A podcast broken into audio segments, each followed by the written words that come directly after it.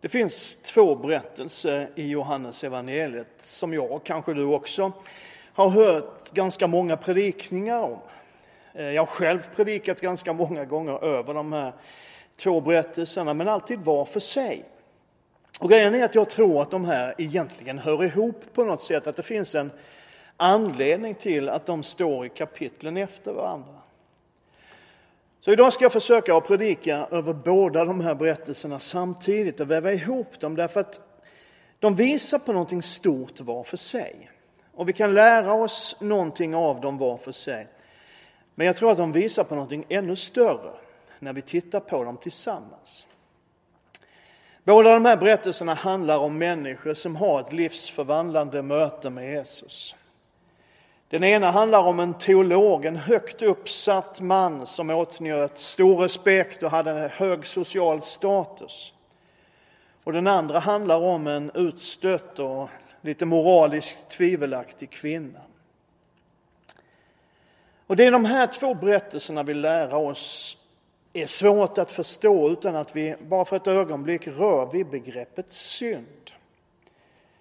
Och det kan ju vara lite jobbigt därför att begrepp som synd och syndare, de bär ju med sig ett stort sjok av kulturellt bagage.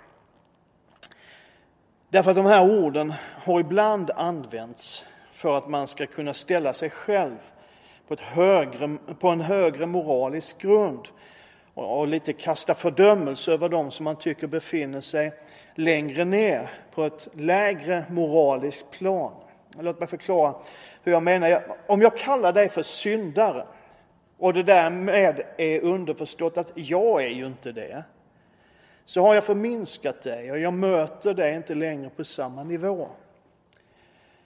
Men det förhållningssättet, att du är en syndare men inte jag, eller att du är en större syndare än vad jag är, det är en fullständigt felaktig förståelse av vad Bibeln menar med synd. Det Bibeln menar med synd och syndare kan man aldrig använda som ett vapen mot någon annan. För det blir i så fall alltid ett vapen som slår tillbaka mot den som avfyrar det. Bibeln är väldigt, väldigt tydlig med att vi alla är syndare och i samma behov av någon som befriar oss från den domen och gör oss till, som vi säger, syndare frälsta av nåd. De här två berättelserna som vi ska titta på tillsammans idag, de visar det här med, med stor tydlighet. Den ena handlar om den utstötta och den ger en bild, tror jag, av synd som ganska många kan förstå. Vi hittar den i Johannes evangeliets fjärde kapitel. Där Jesus och lärjungarna reser genom Samarien och de kommer till en stad Jesus stannar kvar vid en brunn utanför stan medan resten av gruppen går in i själva stan för att köpa mat. Och Jesus är trött, han är törstig, men han kan inte få något att dricka eftersom han inte har något att hämta upp vattnet med från brunnen. Det är mitt på dagen och plötsligt så kommer en ensam kvinna för att hämta vatten och Jesus ber henne, ge mig att dricka. Den samariska kvinnan sa till honom, hur kan du som är jude be mig, en samarisk kvinna, om något att dricka? Judarna umgås nämligen inte med samarierna. Jesus svarade henne, om du kände till Guds gåva och vem det är som ber dig, ge mig lite att dricka. Då skulle du ha bett honom och han hade gett dig levande vatten. Hon sa, Herre, du har ingen kruka och brunnen är djup, så varifrån får du det levande vattnet? Är du större än vår far Jakob? Han gav oss brunnen och drack ur den själv, lika så hans söner och hans boskap. Jesus svarade henne, den som dricker av det här vattnet blir törstig igen. Men den som dricker av det vatten jag ger honom ska aldrig någonsin törsta. Det vatten jag ger blir en källa i honom med vatten som flödar fram till evigt liv. Kvinnan sa till honom, Herre ge mig det vattnet så jag slipper bli törstig och gå hit och hämta vatten. Han sa, gå och hämta din man och kom hit. Kvinnan svarade, jag har ingen man. Jesus sa, det stämmer som du säger att du inte har någon man. Fem män har du haft och den du har nu är inte din man. Det du säger är sant. Kvinnan sa, Herre, jag förstår att du är en profet. Jesus bryter mot en mängd regler och gränser i den här berättelsen. För det första så umgicks inte, som vi läste, judarna med samarierna. Samarierna var ett blandfolk och deras religion var en mix av judendom och andra religioner. De var helt enkelt föraktade av judarna och sågs som orena. För det andra så talade inte enligt traditionen en judisk man med en främmande kvinna. Det ansågs väldigt opassande. Och för det tredje så var ju det då dessutom den här kvinnan så fanns det tydliga tecken på att hon var en kvinna som var utstött ur gemenskapen i stan. Hon kom till brunnen ensam, mitt på dagen när ingen annan var där. Hade Jesus kommit på morgonen så hade det antagligen varit fullt av kvinnor där som hämtade vatten för, för dagens behov. Så den här kvinnan var en av de där som inte fick vara med. Och när sånt hände på den tiden så handlade det väldigt ofta om moraliska snedsteg. Och en sån kvinna var det för en judisk man och en judisk lärare väldigt viktigt att hålla distans till. Men Jesus bryr sig inte om sånt. Han kliver över varje gräns, han bryter ner varje barriär, för han ser vad den här kvinnan behöver och längtar efter. Han talar vänligt med henne, men ändå med en tydlig poäng och en utmaning. Och så använder han den här bilden som återkommer så ofta i Bibelns beskrivningar av levande vatten. Och det han säger till henne det är ungefär att jag har någonting för dig som är lika nödvändigt och livsviktigt för din andliga människa som vatten är för din fysiska människa. Och utan det jag har att ge dig är du egentligen förlorad. Och den här bilden av levande vatten säger faktiskt ännu mer än så. Den säger att det levande vattnet är inte bara en andlig livräddare utan det ger dig en tillfredsställelse från insidan. Det blir som ett friskt flöde inom dig.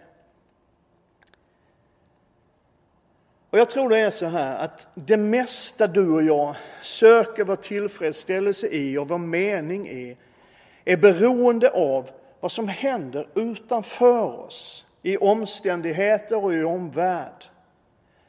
Och vi tänker att om jag får det där eller om jag kan ta mig dit, då kommer jag känna mig bekräftad och betydelsefull.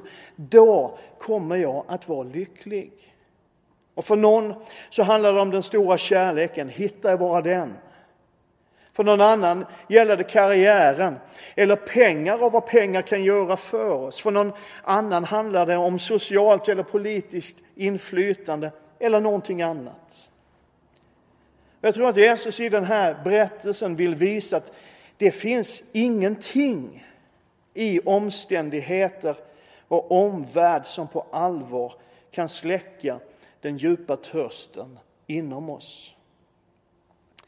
Det som han vill säga till oss att om det du söker i inte är jag så kommer du inte att hitta det du söker efter. Vi använder oftast andra ord än törst när vi pratar om de här sakerna. När vi ska beskriva vår längtan så talar vi hellre om driv eller passion eller ambition. Men sanningen är att vad vi än uppnår, vilka mål och drömmar vi än lyckas uppfylla, så kommer vi alltid att vilja ha mer. För törsten finns kvar. En del av oss som är i min ålder och ja, kanske till och med något yngre än mig minns tennisspelaren Boris Becker. Han sa för några år sedan i en intervju så här. Att jag hade vunnit Wimbledon tre gånger, en gång som den yngste spelaren genom tiderna. Jag var rik, jag hade allt jag någonsin hade drömt om. Pengar, bilar, kvinnor, allt. men jag hade inte frid i själen. Jag var som en marionett som spelade min roll. Och de senaste veckorna så har det talats en hel del om i vårt land, om det här med hål i själen. Om vår oförmåga att känna frihet och lycka och kunna behålla det. Och det är så tydligt att vad vi än uppnår och uppfyller av drömmar och önskningar så räcker det ändå inte riktigt till. Varenda en av oss söker i någonting för att hitta det som vi tror och hoppas ska kunna släcka vår inre törst, göra oss lyckliga, ge oss friheten och glädjen. För den här kvinnan i Samarien så var det män, romantik, kärlek, sex. Plötsligt ber Jesus henne att gå och hämta sin man och hon säger, jag har ingen man. Och Jesus säger, jag vet. Du har fem kraschade förhållanden bakom dig och nu träffar du någon annans man. Varför byter Jesus ämne? Eller gör han ens det? Jag tror inte det. Jag tror att Jesus vill visa henne att för att kunna förstå vad livets vatten handlar om så behöver du först förstå och inse hur desperat du har sökt efter det. Men det du har sökt det har inte hjälpt. Du behöver det jag kan ge dig. Jag ska lämna den där kvinnan för en stund. För i kapitlet innan, i det tredje kapitlet i Johannes evangeliet möter Jesus en person som på väldigt många sätt skiljer sig från den här kvinnan. För han är teolog, som jag sa, han är religiös ledare, han är ledare i samhället. Han tillhör fariseernas parti, vilket innebär att han har en högstående moralisk standard. Han lever efter tydliga regler. Han är helt enkelt en mönstermedborgare som har kommit långt i karriären. Om kvinnan i Samarien var utanför så tillhör den här mannen definitivt innefolket. Det står så här, Johannes 3. Bland fariseerna fanns en man som hette Nikodemus, en av judarnas rådsherrar. Han kom till Jesus en natt och sa, Rabbi, vi vet att du är en lärare som kommer från Gud. Ingen kan göra de tecken som du gör om inte Gud är med honom. Jesus svarade, jag säger dig sanningen, den som inte blir född på nytt kan inte se Guds rike. Nikodemus sa, hur kan en människa bli född när hon är gammal? Hon kan väl inte komma in i moderlivet och födas en gång till? Jesus svarade, jag säger det sanningen, den som inte blir född av vatten och ande kan inte komma in i Guds rike. Det som är fött av köttet är kött och det som är fött av anden är ande. Var inte förvånad över att jag sa att ni måste födas på nytt. Jesus möter Nikodemus på ett lite annat sätt än han mötte kvinnan i Samarien. Han är betydligt mer rakt på sak, nästan brutal när han pratar med Nikodemus. Nikodemus börjar artigt, nästan lite inställsamt. Jag har hört så mycket gott om dig Jesus och det är så tydligt att du har med Gud att göra. Och Jesus svarar bara, mm, men du behöver bli född på nytt.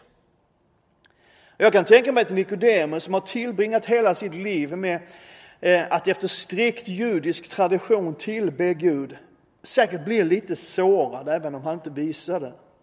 Han är ledare i staden, han sitter i judarnas högsta religiösa råd, han är framgångsrik, han är en ärlig, uppriktig religiös man. Han har allt på sitt CV som man kan önska sig. Men Jesus verkar säga att det är ändå något som fattas. Och så påminner Jesus om hur det är att födas. Det är som han frågar Nikodemus. Hörde Nikodemus, hur mycket var du involverad i din egen födelse? Vad i det faktum att du är född till världen beror på dig? Fick du jobba hårt, Nikodemus, för att förtjäna privilegiet att bli född? Nej, du har ju ingenting med din egen födelse att göra. Det är en fri gåva av liv. Och det är exakt likadant, Nikodemus, med det andliga livet. Frälsningen, det andliga livet, relationen med Gud, meningen med allt ges av nåd. Och du kan aldrig förtjäna det eller skaffa dig rätt till det. Det handlar ingenting om vad du har lyckats med eller inte lyckats med. Det handlar ingenting om position eller anseende eller religiösa övningar. Det sker därför att Gud vill det. Han ger det som en gåva och det kommer alltid att vara en gåva och aldrig någonsin en belöning. I de här två berättelserna visar Jesus att oavsett vem vi är och hur det har gått för oss i livet så har vi samma behov. Kvinnan hade sökt, kanske utan att veta det, vara medveten om det. Hon hade sökt i relationer, i kärlek och sex. Men hon hade bara blivit tommare och tommare på insidan. Nikodemus hade sökt, antagligen också utan att själv fatta det riktigt, i sig själv i det han hade åstadkommit, i det han hade uppnått och lyckats med, i sin position och anseende, i andra människors bekräftelse och gillande. Du vet, det hade varit många likes på Nicodemus Instagramkonto om han hade levt idag. Han var en lyckad människa. Men det fanns ändå någonting som drev honom att söka upp Jesus mitt i natten när ingen annan såg det. En känsla av att det här kan väl inte vara allt. Det fanns någonting som sa honom att det måste finnas något mer än det här. Och Jesus visar i de här berättelserna att inget av det ni har sökt det fungerar utan det liv jag ger är ni båda två exakt lika lost, lika förlorade, trots att ni är så olika. Och det hände någonting med båda de här två personerna i mötet med Jesus. Nikodemus behöll sin position. När judarnas högsta råd började bli irriterade på Jesus och anklaga honom för hädelse och villolära så försvarar Nikodemus honom. Och när Jesus har dött så är det Nikodemus som tillsammans med Josef från Arimatea gör i ordning hans kropp för begravningen. Det händer något med Nikodemus. Om kvinnan står det att hon går tillbaka till stan och struntar i att hon var föraktad och utstött. Hon berättar för alla om vad Jesus har sagt till henne. Och det slutar med att både hon själv och alla i staden, står det, börjar tro på Jesus som världens frälsare och hopp. Det händer någonting med oss i mötet med Jesus. Och det är det här samtalet med Nikodemus som Bibelns allra mest välkända ord är skrivna.